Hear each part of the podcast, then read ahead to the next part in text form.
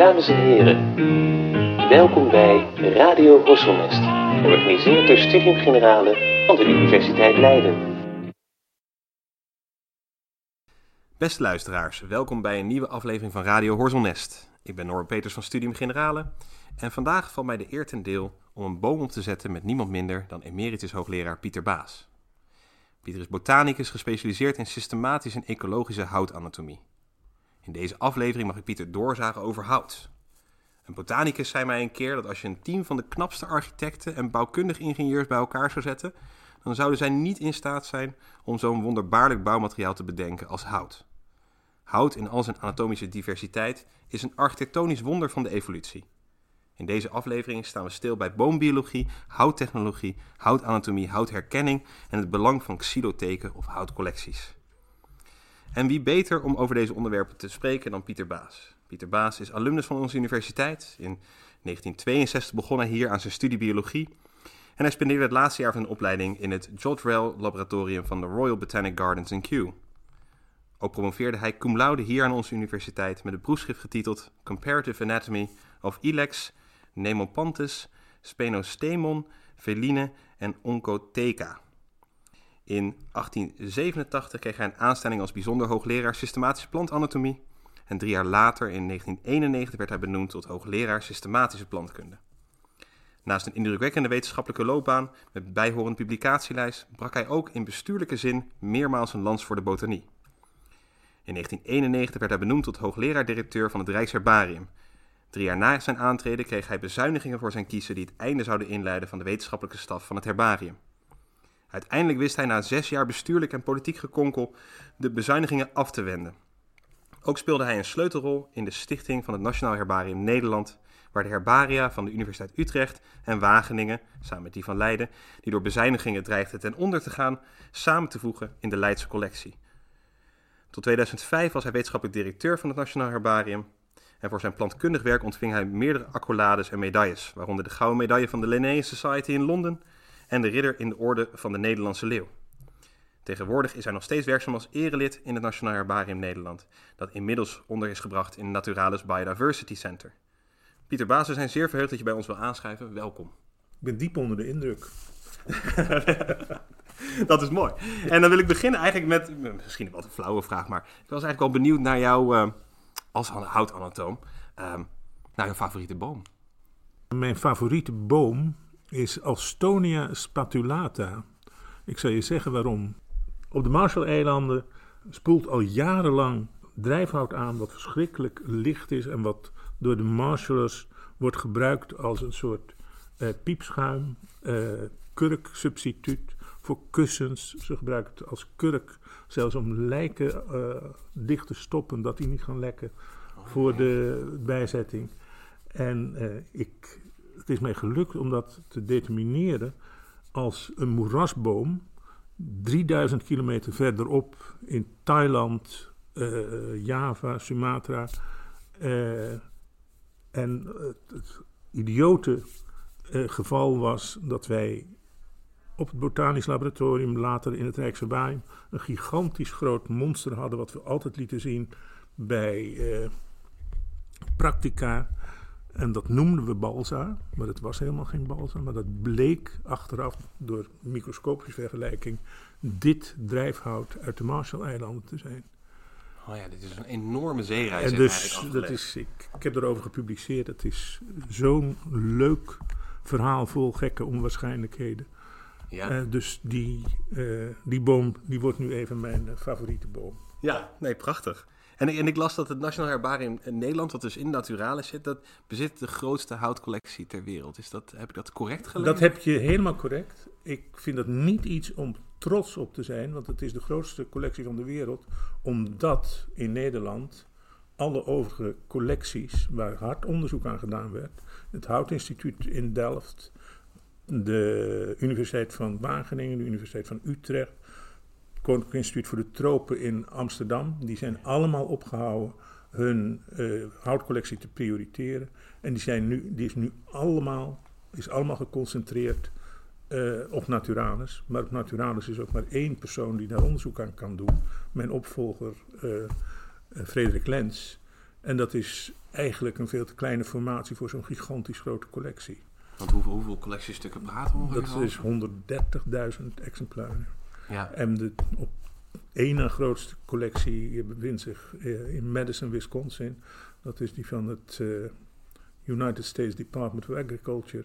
Die slechts 120.000 exemplaren Oh, groot. ja, ja, ja, ja.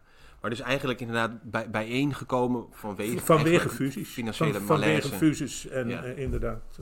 het lot van natuurhistorische collecties over de hele wereld staat best onder druk. Ja, omdat het dus ook maar eigenlijk een, he- een hele kleine bezetting is die, die überhaupt hier eh, aan werkt, aan, de- aan Klopt, deze collectie. Dat, dat klopt, ja. en eigenlijk zou je daar een enorm Dat is zo, daar, daar zou je zo twintig man aan willen laten werken. Ja, ja, ja, ja, maar helaas is dat, eh, Dat is- dat is, eh, eh, dat niet het geval. Dat is dromen hardop, utopie. En je hebt ook, je had ook nog een stuk zelfs meegenomen. Je hebt, eh, dat klopt, het is het oudste houtmonster uit de collectie heb je meegenomen. Nou ja, dat is voor zover wij weten het oudste collectie. En ik heb het meegenomen omdat het zo'n eh, historisch belangrijk stuk is voor eh, de, de prehistorie, kan ik wel zeggen, van onze houtcollectie. Dit is een eh, stuk hout, Radix Johannes Lopez, medicinaal hout, waarvan Ja. de bast werd gebruikt voor, tegen malaria en allerlei andere kwalen. Dit hout, monster zat in de boedel die geveild is na het overlijden van eh, David eh, van Rooyen. Ja, Een prefect van de Leidse Hortus in de eh 18e eeuw, eind 18e eeuw. En eh, hij was niet alleen botanicus en prefect van de Hortus, maar hij was vooral medisch dokter. En die houtmonsters in de 18e, maar ook de eeuwen daarvoor, eh, die vond je vooral tussen eh, medicinale collecties van farmaceuten. ja. En eh, dit houtmonster is dus niet bijeengebracht omdat het hout zo mooi is en je zulke mooie dingen van kan maken. Kan overigens wel.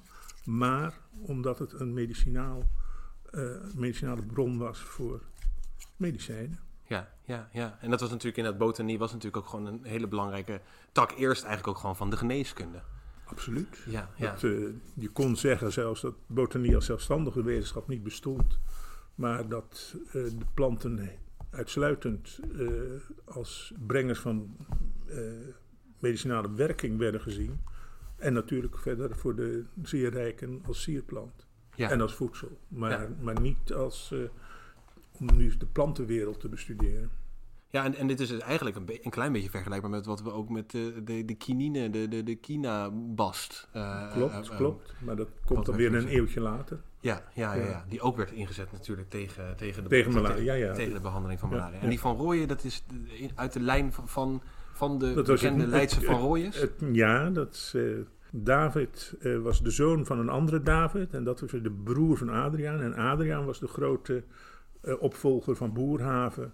Die eh, in de Leidse Hortus eh, zijn stempel heeft achtergelaten door hem uit te breiden tot voorbij de Binnenvestgracht.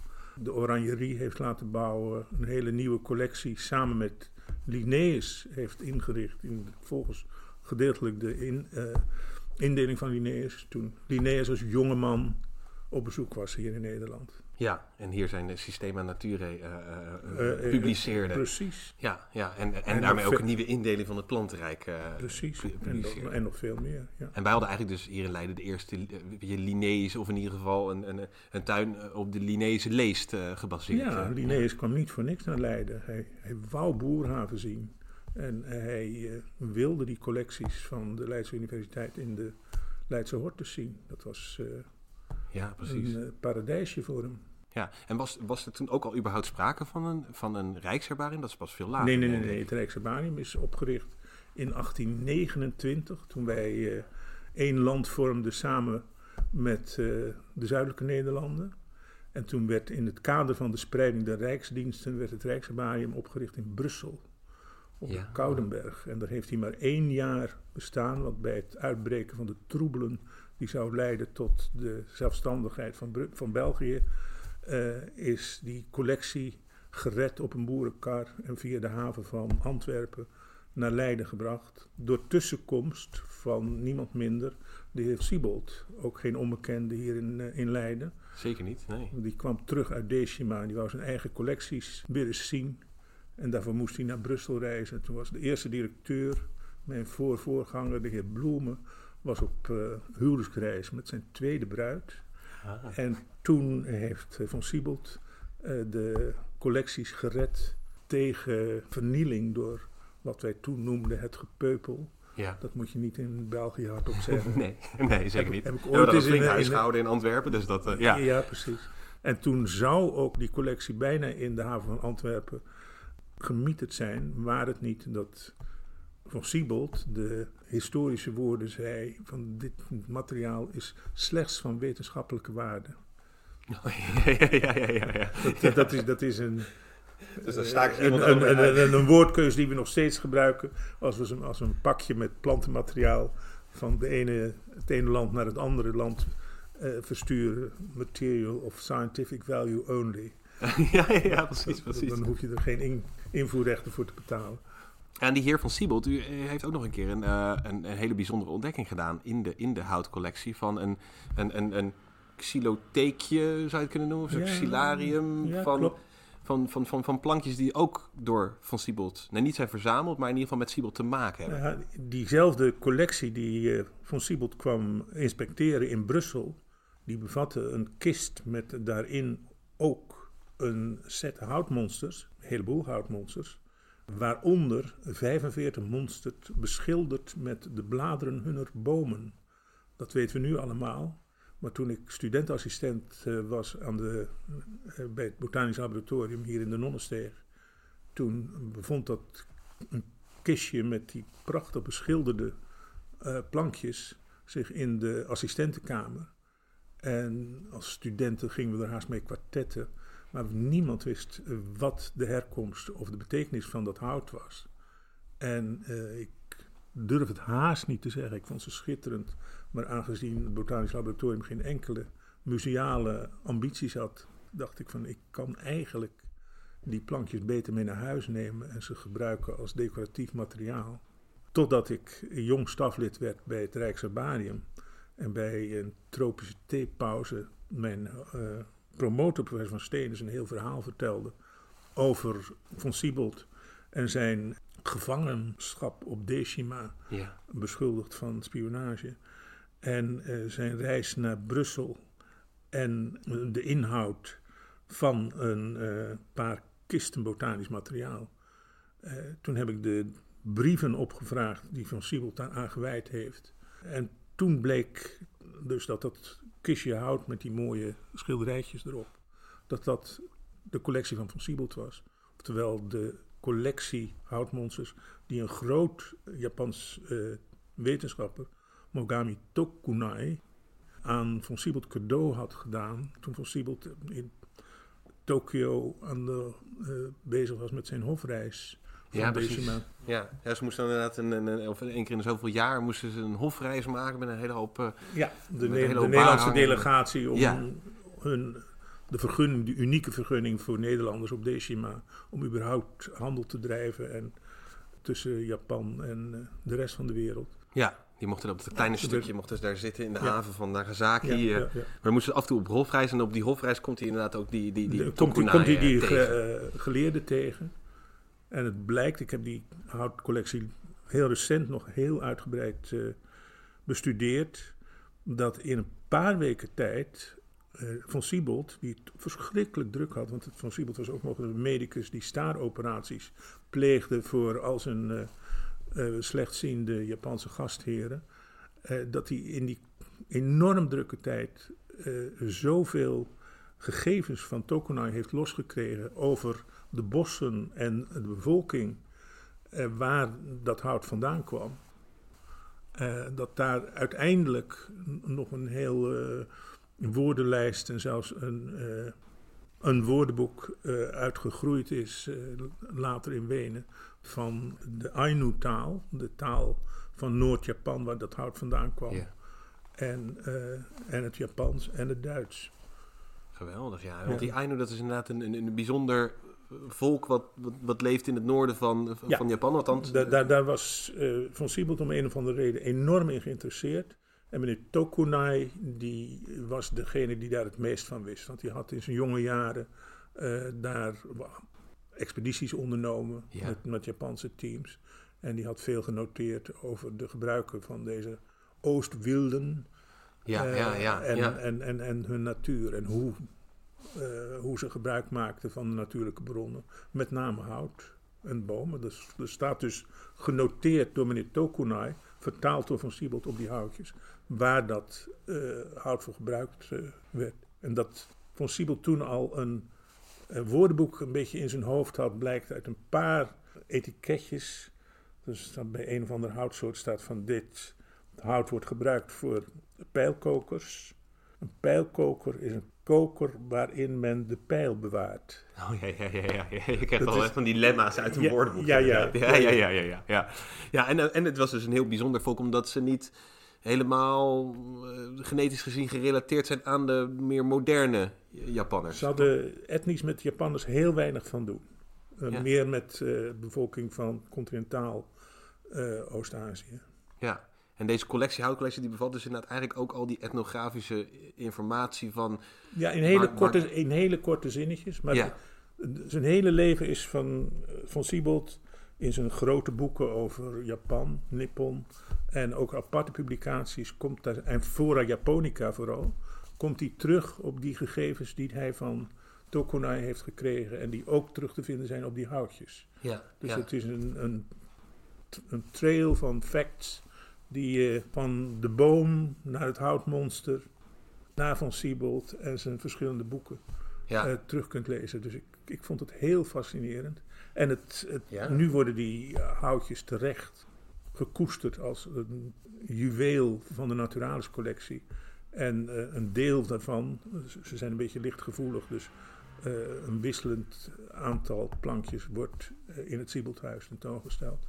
ja. Voor een groot en dankbaar publiek. Ja, geweldig. Want het zijn inderdaad dus inderdaad de plankjes met de boom, van, van de boomsoort, waar, waar het blad, het loof van de boomsoort op, op geschilderd is. ja. Ja, ja, ja, dat is natuurlijk schitterend inderdaad. Dat Ja. is natuurlijk ook wel heel anders, kan ik me goed voorstellen, dan hoe, hoe in meer moderne zin houtmonsters eh, wo- worden verzameld.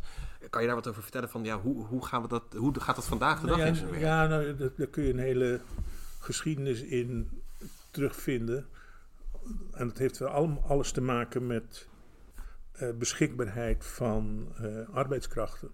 Als op het ogenblik een eh, botanische expeditie wordt uitgerust om nieuwe planten te verzamelen in een slecht bekend bos bijvoorbeeld, Ja, eh, in, laten we eens even zeggen, in Papua Nieuw-Guinea of eh, in nog een, een stukje onder onderzocht Amazonewoud, dan mag je als houtanatoom blij zijn dat de botanicus een zaagje of een kapmes bij zich heeft om een paar dikke takken te verzamelen.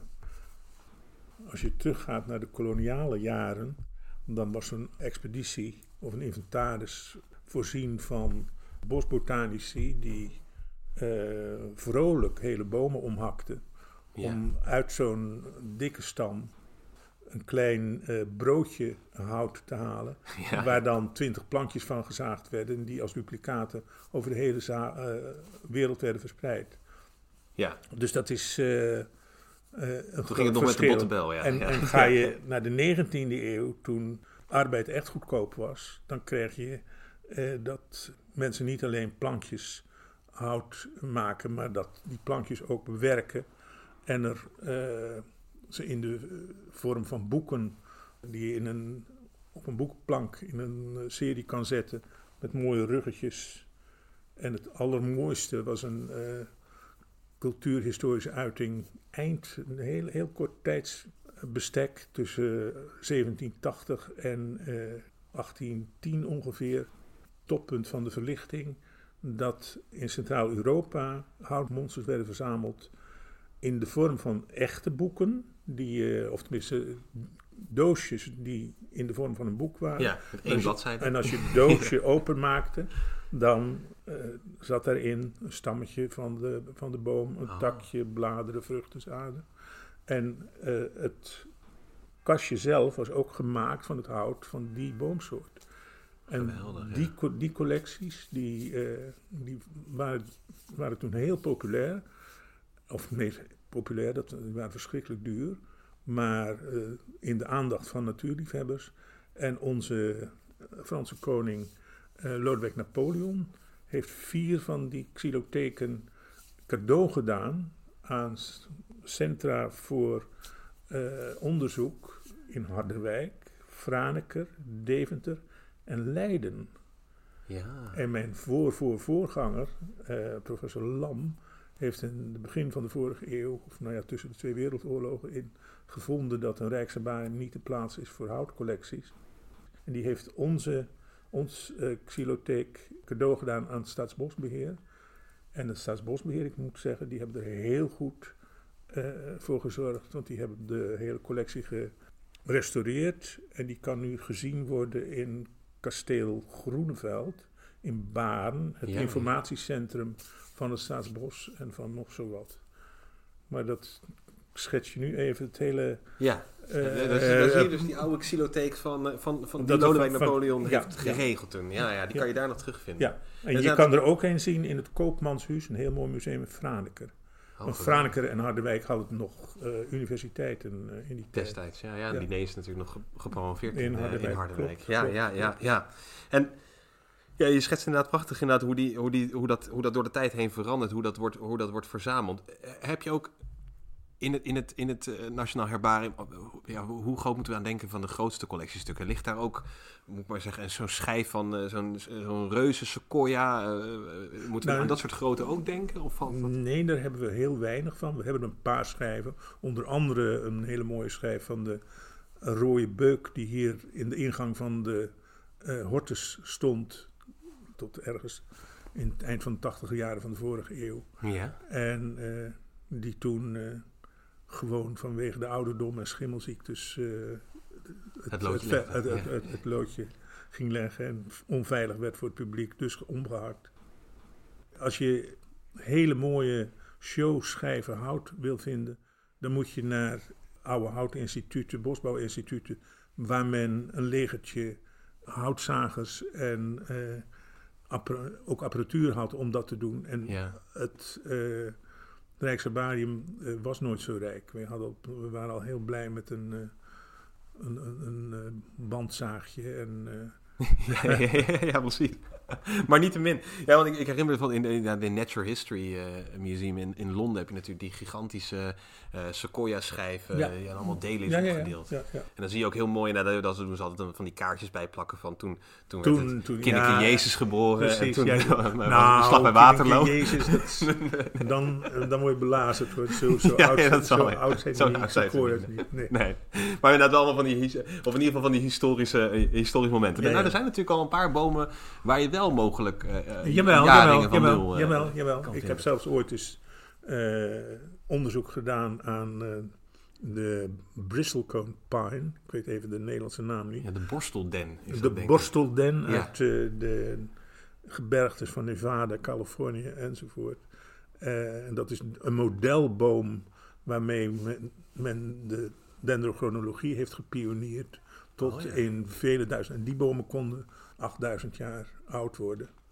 En daar heb ik eh, inderdaad monsters van onderzocht, waar zich eh, het gekke resultaat eh, liet zien dat die bomen eigenlijk eeuwig jong bleven. We hebben in de houtanemie spreken we van juveniel hout en volwassen hout. En een jong boompje tot hij een jaar of 12 à 20 is, die verandert steeds nog van vezellengte. Dat neemt nog enorm toe. En dat gaat dan op een gegeven moment naar een plateau. Maar deze borstelden, die was ook in zijn eh 5000ste en 6000ste levensjaar nog niet uitontwikkeld. En die bleef maar juveniel zijn vezels verlengen. Jemig. Ja, dus, dat was dat eeuwig, vond- eeuwig, ja, tenminste, eeuwig jong. Eeuwig E- jong. eeuwig leven, ja, ja, Eeuwig ja. jong. Maar ja, bomen kunnen zich natuurlijk ook eh, eindeloos verjongen met, die, eh, met hun groeitoppen en hun open groei, anders dan bij dieren. Ja, dat is misschien inderdaad. eh, eh, eh, is, is, of tenminste, ik dacht, ik la- laat hem nog even naar bij de collectie stil zijn. Maar ik wil zo meteen ook zeker da- da- daar, daar je over spreken. Over inderdaad het cambium en eigenlijk Ja, ja. dat vermogen van bomen om, om, om stamcellen te, te, te blijven voortbrengen. Ja, in tegenstelling tot, tot wij mensen, die natuurlijk op een gegeven moment, ja, dan is het wel klaar. Dan zijn alle cellen gedifferentieerd. Maar dat is natuurlijk bij planten is dat heel anders. En hoe, hoe wordt dat dan inderdaad? Want vandaag de dag, ik, ben, ik, ben, ik heb toevallig wel eens gekeken en, en, eh, en jou aan het werk gezien. En dan tegenwoordig zit je eigenlijk gewoon vooral met een kast met een enorm eh, hoeveelheid aan eh, microscopische preparaten van hout. Dat klopt. Maar dat, dat komt een beetje door mijn eigen beperkingen. Ik ben dus een vergelijkend houtanatoom. En ik zet de anatomie in voor het begrijpen van diversiteit in de evolutie. En dan moet je gewoon heel veel kijken, grote collecties hebben. Ja. Maar je kan ook eh, heel belangrijk, misschien wel veel belangrijker onderzoek doen met een eh, laboratoriumjas aan en een heel indrukwekkend laboratorium als je wil weten hoe precies de houtstructuren die ik dus beschrijf en Mhm. bestudeer, hoe die functioneren in het watertransport van een boom. Wanneer bijvoorbeeld bij grote droogte die eh, waterkolommetjes in het hout eh, onder te grote trekkracht staan dat ze eh, emboleren, zoals dat noemen, en die boom dan uitdroogt ter plekke. Wat dus erg veel gebeurt op het ogenblik met klimaatsverandering, met uitdroging van hele bosgebieden. Dat, Oh, ja, ja, ja, eh, dat, dat, dat bepaalde soorten het niet meer kunnen houden, omdat hun hydraulische architectuur niet bestand is tegen grote hitte en grote droogtes. Ja, ja, precies. Ja, ja. En dat zijn natuurlijk eigenlijk, daar, daar heb je wel veel grotere stukken voor nodig. Dat kan je niet, dat kan je niet Dan, dan, dan, dan moet je fysiologisch Ja, werk voor ja. doen. En in Wageningen bijvoorbeeld daar wordt daar prachtig werk aan gedaan. En mijn opvolger, Frederik Lens, doet ook heel leuk werk aan, aan kleinere planten. eh, om de structuur, functie, relaties van het xyleem, zoals dat het, het hout Ja. noemen, eh, te onderzoeken. Ja, ja. En jij doet inderdaad dus vooral veel vergelijkende anatomie en ook veel aan houtherkenning. Althans, dat is ook een onderdeel Dat is, van... dat, dat, dat van is een jouw- toepassing, houtherkenning. En dat is het, het speurwerk, een beetje detective werk. En dat is voor mensen die de 77 hebben bereikt... het leukste eh, toegepaste werk wat je nog kan doen. Ja, want, want, want dan, krijg je, dan krijg je eigenlijk te maken met dat er bijvoorbeeld een, een, een, een, grote, een grote container aankomt in, in Rotterdam, waar dan een hele partij aan eh, nou, materiaal in zit, wat van, ofwel van hout is gemaakt, ofwel gewoon hout. Ja, ja. En dan, en dan krijg jij dan een belletje? Of krijg Nee, je nee, dan nee, een nee, nee, nee, nee, nee. Ik heb, een, ik heb bij de Belastingdienst en bij men- voor mensen van Rotterdam... heb ik cursussen gegeven dat ze dat zelf kunnen, ja, ja, zelf kunnen ja. doen. Want dat is, eh, er is geen beginnen aan als je dat allemaal zou eh, willen doen. Gelukkig zijn dat ook vaak zendingen, uniforme zendingen... eh, waar het de vraag is van... is het wat, het, wat er op, het, eh, op, de, op de pakbond staat... Ja, ja. Eh, en dan kun je dat vrij, vrij simpel doen. Maar ik, ik, ik vind het leuk om samen vooral met... nou ja, ik heb wel voor het gerecht gewerkt. Ook om illegaal houtsoort, beschermde houtsoorten te determineren. Verschrikkelijk leuk. Maar ik vind het eigenlijk nog leuker om samen te werken met archeologen en paleontologen. Om fossiel hout of eh, houtskool van vroege beschavingen en zo gedetermineerd te krijgen. Dat is, eh, dat is erg leuk. Ja, en, en, en hoe gaat dat dan in zijn werk bijvoorbeeld? Dus, dus een, een archeoloog vindt, eh, ik, ik noem maar wel een, een, een, een, een- ik heb het ook wel eens gevonden trouwens op een, op een eh, opgraving van Romeinse nederzetting. En dan Ja. onder het waterpeil, dan vind je, dan blijft ook het hout eh, doorgaans goed gepreserveerd. En Ja. Dan, dan, dan heb ik dat. Nou, dan moeten we eerst dat allemaal worden bewerkt en zo. Anders dan vergaat het meteen, want het wordt blootgesteld aan de zuurstof. En, en hoe komt dan, eh, wanneer kom jij dan in beeld? En, en, en wat, Nou, wat dat, voor functie? dan, eh, ik heb een paar vrienden in die wereld en die komen dan met zelfgemaakte koepjes. En dan gaan we, ook deze mensen heb ik zelf cursusjes gegeven, dus die we, kunnen een heleboel dingen al, al goed zelf determineren. Maar eh, voor probleemgevallen gaan we samen brainstormen, want dat zijn dan ook vaak helemaal niet zulke eenvoudige gevallen. En eh, nou ja, dat, kan, dat varieert van een eh protheseteen van een Egyptische mummie van een paar duizend jaar oud. eh, Ja. Waar we van het Cairo Museum alleen maar foto's mogen bekijken en absoluut niet aankomen dat staan er een koepje van ja, ja, ja, kunnen maken. Eh, maar een, een vriendin waar ik veel mee samenwerk, Carolien Vermeeren, stuurde me pas een eh, artikeltje op in Nature, dat heeft ook de krant en de radio gehaald, dat onderzoek wat heeft aangetoond dat vikingen precies in 1021 de Atlantische Oceaan overgestoken zijn en in Newfoundland uh, bezig geweest zijn en een beetje hebben zitten rommelen met de lokale bevolking. En dat onderzoek dat steunt helemaal op hele subtiele jaringanalyse die, deze, die, die Carolien heeft uitgevoerd. En Carolien heeft ook dat hout uh, wat daarvoor uh, voor gebruikt wordt gedetermineerd. En dat, bij die determinaties hebben we wel gebrainstormd. Ja, ja. Ja, fantastisch. Ja. Dat was inderdaad onlangs in het nieuws inderdaad. Dat ze daarmee natuurlijk, en op jaringen, of op basis van trendologisch onderzoek, kan je dan ook heel nauwkeurig vaak inderdaad zeggen wanneer dat dan precies heeft plaatsgevonden. En, en je vertelde, uh, uh, of je mailde mij eigenlijk, en dat je ook wel eens een keer door de recherche bent, in, bent ingezet voor houtidentificatie. Uh, nou, de recherche, dat varieerde van splinters van kozijnen die gevonden waren, werden in de automobiel van een verdachte. Oh, en dan ging het erom of het kozijn, de splinters van hetzelfde hout waren als het beschadigde kozijn van het uh, plaatsdelict. Ik heb ook wel eens een grasprietje gehad waarvan ik achteraf heb gehoord dat dat een grasprietje was wat gevonden was bij het filmrolletje. Of, of nee, het, het, filmhulsje waarin de afgehakte vinger van Gert-Jan Heijn de vermoorde tycoon van het Albert Heijn-concern uh, in zat. Dat, oh, dat stukje graspriet heb ik helaas niet kunnen determineren. En toen uh, had het forensisch laboratorium wel hele hoge verwachtingen. Want ze dachten als er dan, als het Rijksbaan, want ik was niet de enige. Dus uh, Ruud van der Meijden, de auteur van de Flora van Nederland, die was er ook bij betrokken. Als we dan dat grasprietje zouden kunnen determineren dan zou dat misschien een zeldzame soort zijn die alleen maar in het grasveld van uh, baron Huppeldepup uh, had voor kunnen komen. Of, maar het was gewoon een stukje straatgras waarschijnlijk. Maar dat, zelfs dat hebben we niet met zekerheid kunnen vaststellen. Maar, ja. Ja, maar, maar, maar, maar, voor de, uh, de rechterlijke macht heb ik dus meer te maken gehad met kwesties van illegaal hout, van bedreigde uh, Mahoney en Palisander, ja. verschepingen.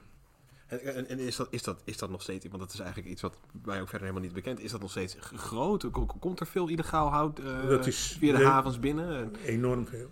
Enorm. veel en er wordt verschrikkelijk veel uh, door de vingers gelaten. De pakkans dat, dat je echt uh, bestraft wordt voor het invoeren van illegaal hout is bijzonder klein. Je moet weten dat ongeveer de helft van de houtkap in de tropen is illegaal. En dan heb je niet alleen een paar eh, bedreigde soorten die eh, absoluut niet gekapt of de grens over mogen. Maar je hebt ook hele beschermde gebieden waar niet gekapt moet worden. Dus je hebt, als je dat, die ladingen wilt determineren, dan is de, kan de vraag zijn: wat is het? Welke soort? Maar vaker, veel vaker is het de vraag: waar komt het vandaan? En dan krijg je dus uh, vraagstellingen uh, over herkomst die je als houtanatoom niet kan beantwoorden. Daar zijn weer hele andere technieken voor, uh, isotopenonderzoek en weet ik veel wat. Maar het is een groeimarkt op het ogenblik. Want iedereen wil er wel wat aan doen. Dus er is enorm veel ontwikkeling om dat onderzoek vooruit te stuwen. Maar dat, daar doe ik niet meer aan mee hoor. Nee, dat is, nee. Klinkt ook inderdaad heel complex natuurlijk om achter heel, te komen. Heel complex. En, en, heel veel populatieonderzoek ook met uh, DNA-analyses. Ja. ja. dat is natuurlijk ook een manier inderdaad om, om, er, om, er, om erachter te komen. En dan hebben we natuurlijk nu al, in, we hebben ook al een klein beetje ook wat van die anatomie al, uh, uh, zat er zo, zo nu en dan tussendoor. Maar uh, misschien wel inderdaad goed om, om, om daar wat dieper op in te zoomen. En dan eigenlijk misschien te beginnen met, en dat is wel misschien een hele oppervlakkige vraag, wat is hout? Hout? Hout is het weefsel wat gevormd wordt door een deelvaardige cilinder van uh, cellen, uh, die naar binnen toe een weefsel vormen wat verhouten cellen krijgt. Dus het, je zit er heel gauw in kringetjes rond te draaien en cirkelredeneringen te houden.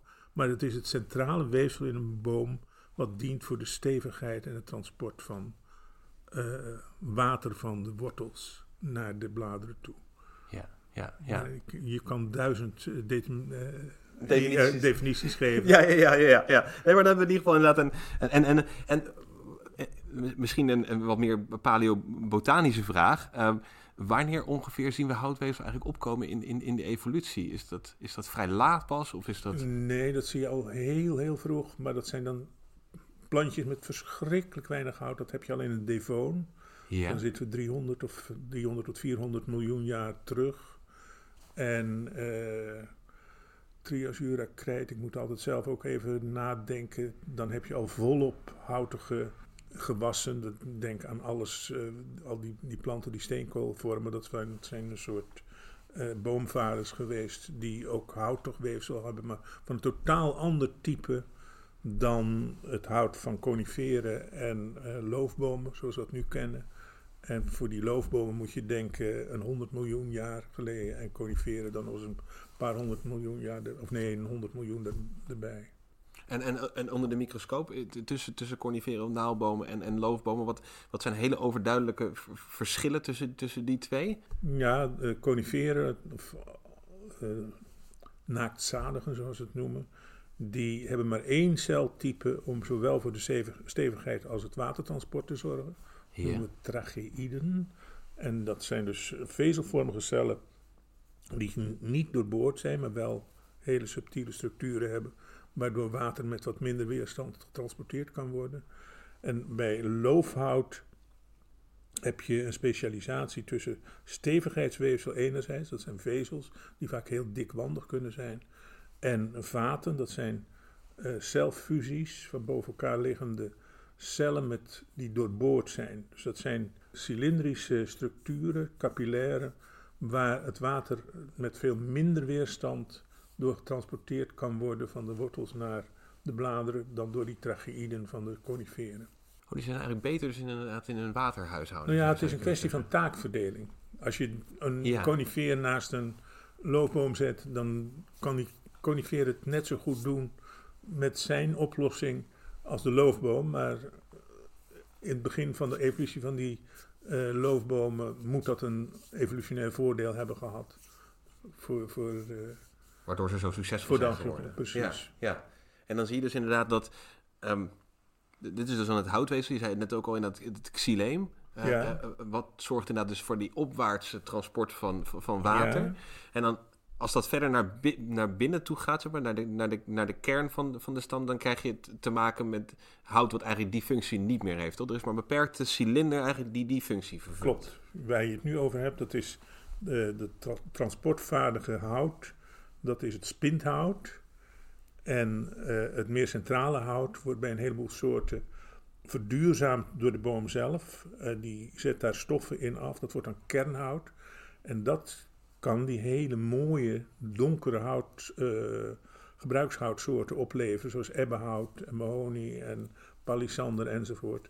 De boom doet dat om die, dat, die stevigheidsfunctie te garanderen. Want als je, eh, zoals de willig, die geen kernhout maakt en die van nature helemaal hol wordt van binnen, dat is natuurlijk niet het eh, kenmerk van duurzaamheid en sterkte. Dat, eh, Nee. dat, dat heeft zo zijn beperkingen. Maar in tropisch eh, regenwoud met name eh, investeren boomsoorten heel veel energie erin om dat hout om te zetten in kernhout, zodat het ook niet door termieten en houtaantastende schimmels en zo kan aangetast worden. Oh, het is, oh ja, is, het is ook nog eens een keer een soort bev- inderdaad, een soort beveiliging. Niet alleen is het inderdaad dat het die eh, eigenlijk architectonisch gezien de, de, de, de, de, de kracht geeft om, om recht overeind Ja, ja. eh, te blijven staan als zo'n Ja, ja, ja, nou, kernhout is niet sterker dan spinthout. Oh, oké, oké, dat is, oké. eh, maar het kernhout, daar zijn alle vaten in verstopt. Dat, dat kan absoluut niet meer transporteren. Dat behoudt gewoon de stevigheidsfunctie. Ja, Maar het heeft er een duurzaamheidsaspect bij gekregen. Ja, en dat wordt dus inderdaad daardoor minder snel aangetast door, door inderdaad Ja. insectenvraten of schimmels en dat soort zaken en zo. Maar, dat, maar dus ook als je er iets voor maakt als timmerman, dan weet je ook dat dat heel duurzaam hout is, wat eh, tegen een stootje kan. Ja, ja, en wat ook even in de tuin kan blijven staan, dus Ja, zonder, dat het meteen, eh, zonder dat het meteen vergaat. En dat is tegelijkertijd ook het meest kostbare natuurlijk dan Ja. vervolgens van, Ja. van zo'n van zo'n boom. En dan krijgen we nog een andere laag eh, eh, eh, cellen waarmee we meer te maken krijgen met een, weer een, de, de neerwaartse eh, sapstroom. Nou, heeft u biologie gestudeerd? Heel goed. Dat noemen we de bast. ja, ja, ja. En in dat bastweefsel zitten een totaal ander celtypes. En die transporteren inderdaad de suikers die gemaakt zijn door de fotosynthese in de bladeren naar beneden, naar de, langs de hele stam, waar het ook voedsel geeft voor het groeien van het hout. Want tussen de bast en eh, het hout zit dan dat laagje deelvaardige cellen, het cambium. En dat moet ook ergens een energie vandaan krijgen. En dat krijgt het dus uit de bast. Oh ja, dat heeft natuurlijk ook een continue energietoevoer nodig om überhaupt tot die, tot die eh, blij- blijvende Ja, celdeling de tuurlijk. hete, Ja, te, ja, te komen. Ja. ja, ja. En dan, en dan, en dan ehm, en, en natuurlijk, dat is uiteindelijk ook als we dan bijvoorbeeld hier in de gematigde streken zitten en we zagen dat door, dan zien we ook dat dat cambium eigenlijk ervoor zorgt, omdat die heet het die celdeling, dat we daarmee ook jaringen krijgen. En dan, Dat, ja, dat komt Ja. omdat die, eh, als het winter wordt, dan is dat cambium slaapt. Dan hebben we een slapend cambium, een rustend cambium. En dan eh, begint het in het voorjaar weer opnieuw. En de cellen die in de, het najaar, vlak voor de winter, zijn gevormd, zijn veel kleiner dan die in het voorjaar, die ook weer direct moeten dienen voor watertransport. En dan, dan krijg je dus duidelijke jaarringen. En op die, dat verschijnsel van die jaarringen is dus eh, de hele dendrologie en al zijn toepassingen, inclusief het bestuderen van klimaatsverandering, gebaseerd. Ja, ja, precies. Ja, dus, inderdaad, dat- dus, je hebt voor het winterhout, waarin, het, waarin er dus hele smalle celletjes inderdaad maar zijn. En Ja. dan krijgen we eigenlijk dat die groter worden in, in het voorjaar, omdat natuurlijk ook dan de sapstroom weer opkomt. Er komt weer Precies. blad, er komt weer Precies. loof. En, en, eh, ja, en dan zie je natuurlijk dat, het, dat die dus veel groter... En dat verschil eigenlijk, dat is dus dan... Dat is, dan dus dat is de jaringgrens. Ja. Ja.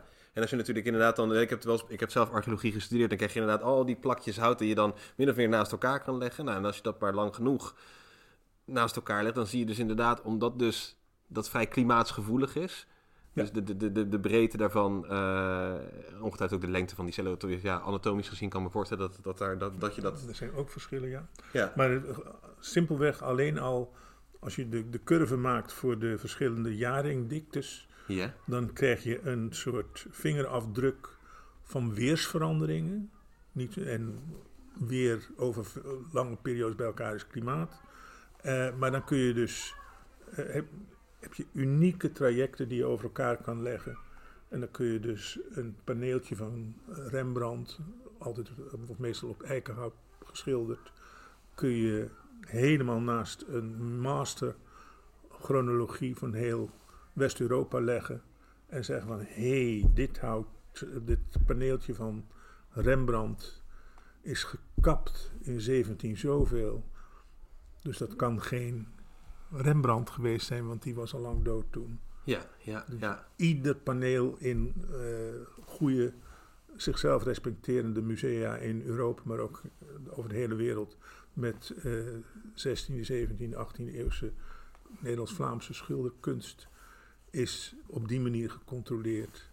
Oh, Eh, op die, dat bijna is- allemaal op die manier onderzocht. Absoluut. Ja, ja natuurlijk inderdaad. Er zijn natuurlijk allerlei vervalsingen wat ook er zo Ja, in ja, ja. En dan, maar dan moet je dus inderdaad wel een klein... Nou ja, dat zal natuurlijk wel een heel klein plakje maar zijn. Maar dan moet je natuurlijk wel een klein plakje van, die, eh, van, van dat paneel afhalen.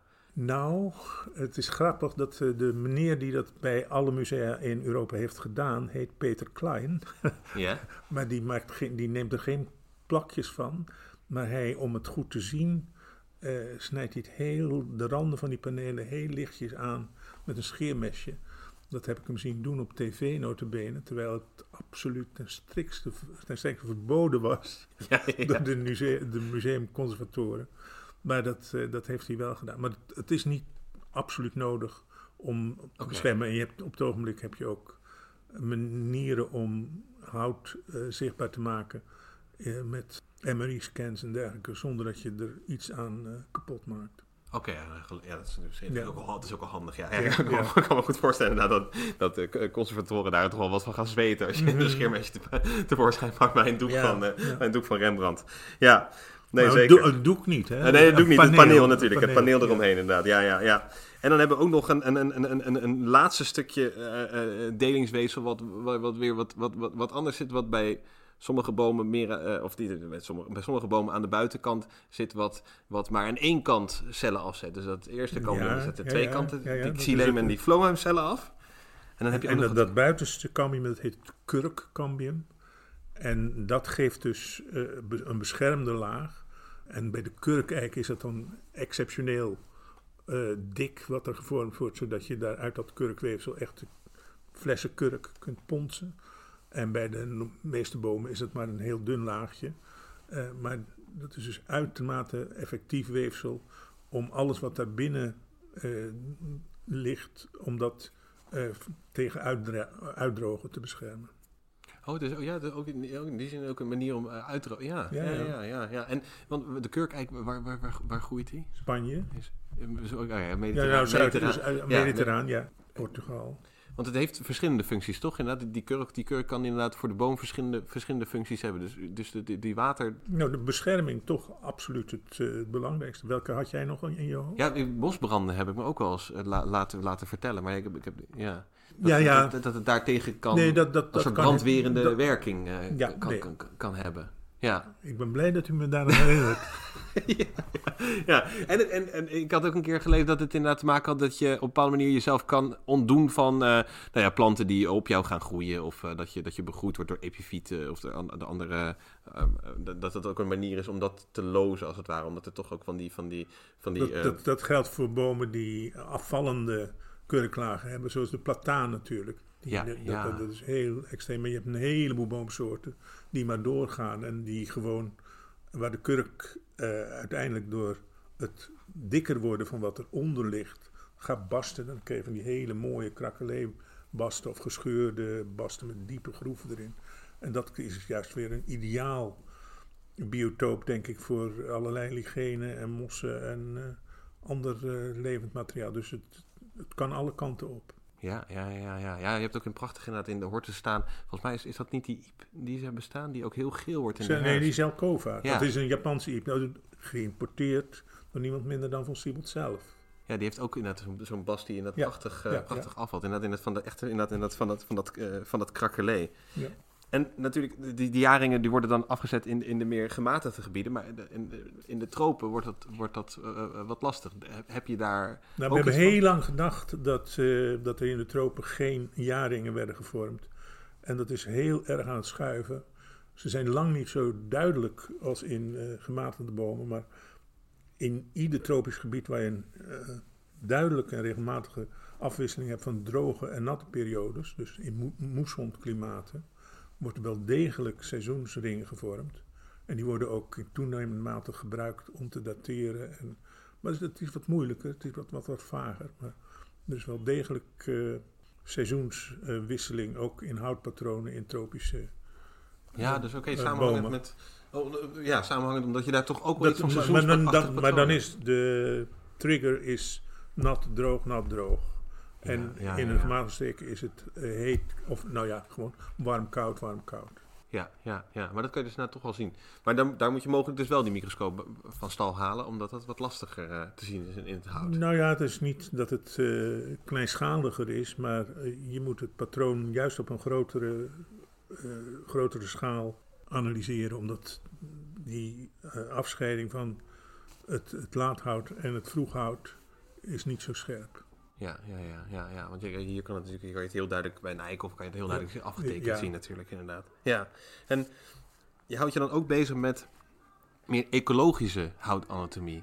En dat is toch wel voor, misschien ook voor, voor de luisteraar. Van wat, wat, wat moeten we daar, hoe, hoe moeten we daarover nadenken? Want dat herkennen, dat kan, begrijp ik goed. Inderdaad, Ja. identificatie of inderdaad die dendrologie is, is ook Ja. een heel duidelijk voorbeeld van. Hoe, hoezo ecologische houtanatomie? Wat, wat betekent Nou, die, die interesse die had ik altijd wel, maar die is heel erg gestimuleerd door mijn proefschriftonderzoek, mijn promotieonderzoek onder professor van Steenis. Daar heb ik onderzoek gedaan aan het geslacht Ilex, de hulst. Wij kennen alleen de hulst als kerstversiering en als een, een, een struikje met groen blijvende bladeren en met stekels eraan. Maar eh, die eh, Europese hulst is maar één soort uit een gigantisch groot geslacht van 400 soorten. En eh, ik heb van die 400 soorten maar 100 soorten onderzocht. En wat mij opviel was dat ik aan het, de houtanatomische kenmerken beter kon zien uit welke klimaatzone of welke breedtegraadzone of in een berggebied in welke hoogtezone die soort groeide, dan dat ik de soort kon determineren tot een precieze botanische soort. Met andere woorden, dat hout dat was helemaal aangepast in dit geval aan temperatuurregimes in gematigde versus tropische en in de tropen laagland versus hooggebergte uh, toestanden. En uh, aangezien breedtegraad en hoogteverspreiding recht evenredig zijn met temperatuursveranderingen, vond ik dat wel een leuk thema. En dat heb ik verder uitgediept met uh, ontzettend veel plantengroepen. En dat, is nu wel, dat zit, staat nu wel in de leerboekjes. En ik heb een collega in de Verenigde Staten die in dezelfde tijd ook heel fanatiek bezig was om ecologische patronen te vinden. En die stortte zich helemaal op de verbanden tussen beschikbaarheid van water, dus droog en nat. Dus ja. die, uh, en, en ik zat met koud en warm. En eigenlijk zaten we alle twee twee kanten van dezelfde medaille te onderzoeken. Ja, Dus precies. Of in ieder geval aanvullend. Ja, ja. ja, ja. Want, eh, dus eigenlijk, want dan zeg je inderdaad, dus, dus hey, inderdaad in eerste instantie kan je- zou je hout kunnen gebruiken om een soort te identificeren, maar i- i- eigenlijk dus in nog misschien wel veel primairder in ieder geval dan bij die ilex-soorten, dat je dus op een bepaalde manier een soort weerslag krijgt in het hout van de, pla de groeiplaats, min of meer. Ja. Ja, zeker. dus je kan inderdaad maar, op basis... maar heel grootschalig hoor. Als jij mij een stukje ja, ja. hout gaat geven, moet je niet vragen van is dit uit het Teutoburgerwald of uit... eh, eh, Zwartswald, ja, ja, ja. eh, precies. Ja, nee, dat, dat, dat, dat inderdaad niet. Maar je ziet dus wel inderdaad. ehm, je, je ziet dus wel eigenlijk iets van die, eh, iets van die eh, klimatologische omstandigheden. eh, eh, eh, eh, ja, raken ook Helemaal. in, in dat hout verpakt. Helemaal. En dat is natuurlijk ook heel erg logisch. ja, Kijk, eh, zelfs een individuele boom reageert al op weersveranderingen eh, van jaar tot jaar in bepaalde aspecten van zijn anatomie, groeidikte en, en de verhouding van vroeghout, laathout. Dat geeft ook verschillen in eh, gemiddelde celgroottes enzovoort enzovoort. En eh, logisch dat als je dat extrapoleert naar een grotere schaal op evolutieniveau, dat je dan ook eh, verbanden vindt tussen ecologische eh, omstandigheden en houtstructuur. En Ja. dat, eh, ja, dat heeft me in mijn hele onderzoek, al mijn onderzoekprogramma's gefascineerd. want je ziet En eigenlijk want ook... je, je hebt dus, kijk, bij Naturalis en voorheen bij het Rijksherbarium wilden wij iets begrijpen van diversiteit en hoe het tot stand komt.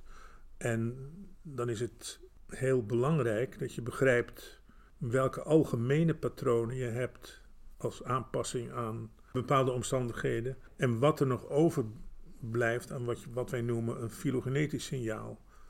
Dus eh, hoe, hoe de, nakomelingen hoe de van Jantje en Pietje eh, hebben een gedeelte van Jantje en Pietje in zich, in Mhm. hun kenmerken. Maar als je dus eh, of naar de Noordpool of naar de tropen verhuist, dan, nou ja, bij Jantje en Pietje niet, bij, bij, bij planten, dan komen daar bepaalde eigenschappen overheen. En het scheiden van het, eh, ec- of, het, het adaptieve signaal van het filogenetische signaal. Dat is een beetje de kern van, eh, van het onderzoek. En ook waar Wat, dus wat je als systema- systematicus en evolutiebioloog. eh, Ja, ja, ja. Dat krijg je Ja. daar die twee verschillen. En je ziet Ja. natuurlijk ook daar de enorme plasticiteit eigenlijk aan van, van, van een plant. Dat, en dat kan je natuurlijk ook wel in het klein zien of zo. Hier Ja. tussen de straattegels kan je ook zien hoe goed... Ja, Absoluut. ja. Ja, je ziet natuurlijk inderdaad, en, en natuurlijk ook, ook juist ook vanwege dat je dat eh cambium hebt, wat dus continu eigenlijk eh, eh, stamcellen weet, weet voor te brengen. En, en, en, en, en, en daardoor dus ook inderdaad continu blijft reageren op zijn omgeving. Ja. Ja, ik bedoel, wij trekken natuurlijk een jas aan of wat ook of zo, dus wij reageren ook op onze omgeving. Ja. Maar, ehm, maar die, die planten doen het eigenlijk gewoon helemaal zelf in hun eigen, in hun eigen weefsel. Ja. Ja. Ja. dat is natuurlijk wel heel bijzonder. En daar kan je natuurlijk op een gegeven moment ook, kan ik me goed voorstellen, dat kennis hierover, over die economische houtanatomie, of ecologische, hout, ecologische houtanatomie, dat, dat het op een bepaalde manier ook kan helpen met bijvoorbeeld ehm, eh, het bebossen van bepaalde, bepaalde gebieden met oog op klimaatsverandering of wat ook. Dus als je weet van de, hier gaan de omstandigheden qua temperatuur veranderen, daar moeten we dan mogelijk een soort voor toepassen die ook daar eh, nou ja, verweer tegen kan bieden. Of een soort, een soort vermijden die daar niet verweer tegen kunnen, kunnen, Ja. kunnen bieden. Maar dat is op het ogenblik nog een beetje utopie. Want de, het is ongelooflijk complex. Er zijn zoveel verschillende alternatieve hydraulische architecturen. die het gek genoeg, als je ze bij elkaar plant om in dezelfde omstandigheden, even goed doen. Ik heb net een artikel eh, eh, afgemaakt met Amerikaanse collega's over een, eh, de evolutie van een gigantische orde, de Vagales. Dat zijn de families die waar de eiken toe behoren, maar ook de walnoten, noem maar op. En daar hebben we alles wat bekend is van hun fossiele geschiedenis, fossiele houtgeschiedenis, bij elkaar gebracht.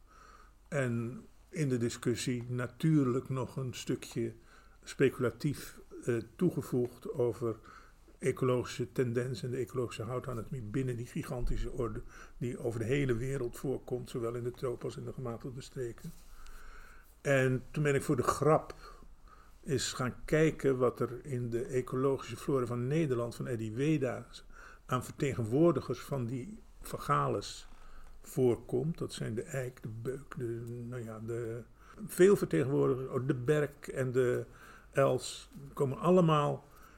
En die kunnen, eh, of een groot aantal daarvan, met heel erg uitlopende houtanatomieën, groeien ze vlak naast elkaar en doen het even goed. Met andere woorden, wie ben ik om naar het Staatsbosbeheer te lopen en te zeggen van en je moet hier meer dit en dat planten, want die heeft laddervormige de boren. En die heeft dikwandige vezels en die zou het veel beter moeten doen. Want in de natuur ligt het dan toch weer een beetje complexer. Ja, Dus het is, het is ja, relevant, ja. maar je moet het met heel veel slagen om de arm. En, en heel erg oppassen dat je niet eh, eh, een te grote broek aantrekt, om het Ja. even zo te zeggen. Kijk, Ja. en, en hout is maar één onderdeel hè, van een hele boom. Een, een, een soort die de ene strategie heeft in zijn houtanatomie, kan eh, een totaal ander soort strategie in zijn bladanatomie en zijn eh, wortelstelsel hebben. En dan kan het een het ander compenseren.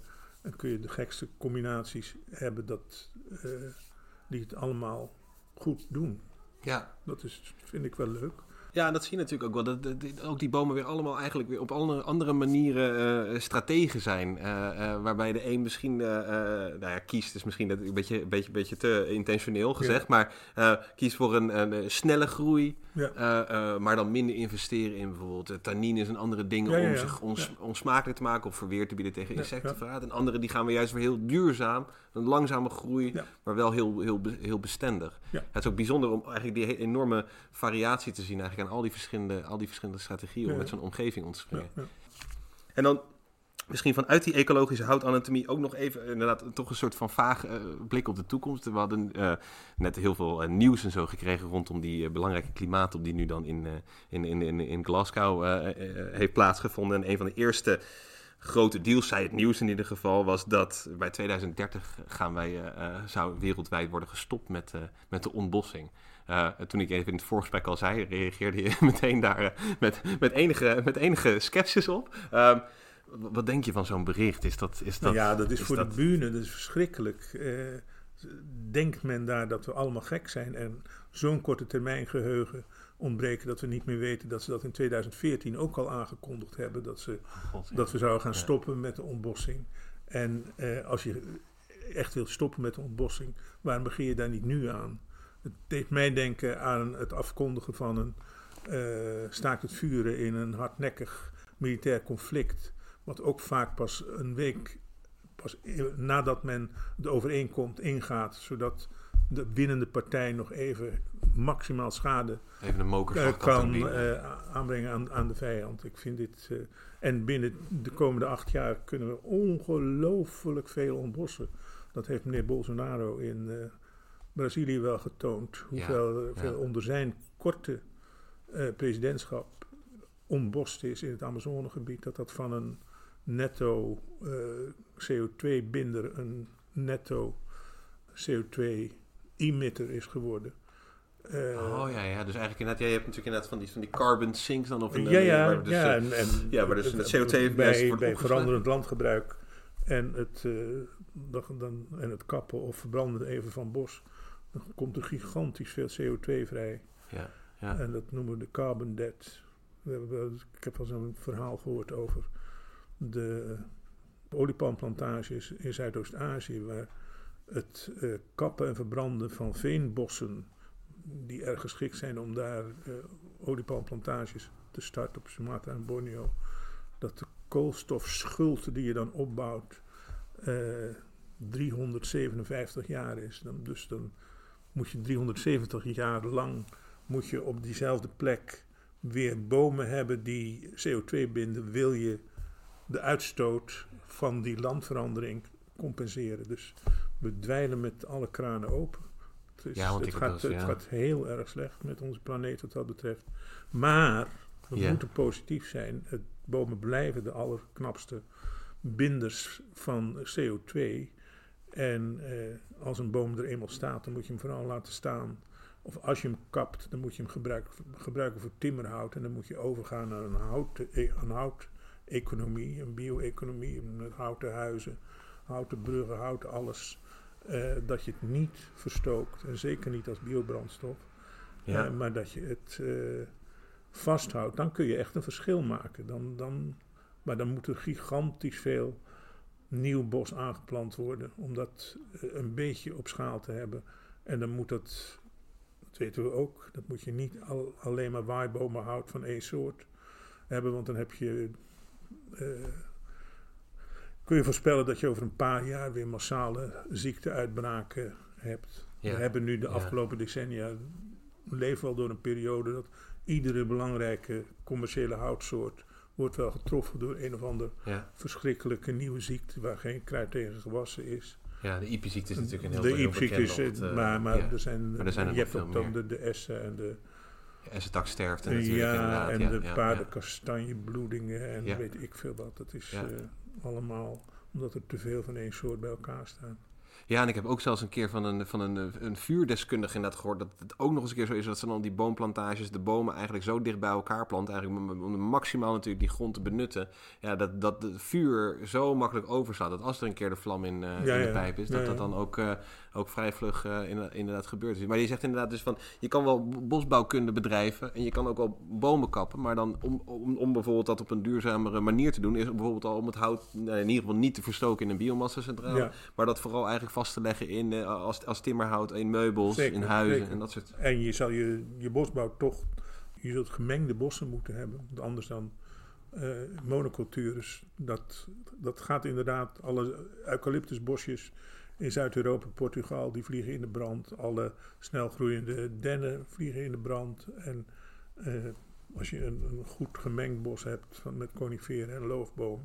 Maar dan moet je wat meer investeren, wat meer geduld hebben voordat je daar uh, goed hout in kan kappen. En dat ontbreekt natuurlijk. En, en, maar die kennis is er, is er dus wel om, om, op deze manier een wat meer duurzame natuurlijk, bosbouw... Uh... Natuurlijk, natuurlijk. Dat is geen rocket science. En daar moet je mij ook niet over bevragen, maar dat weten gewoon mensen die in de boswereld zijn opgegroeid, weten dat als, als geen ander. Ja, ja.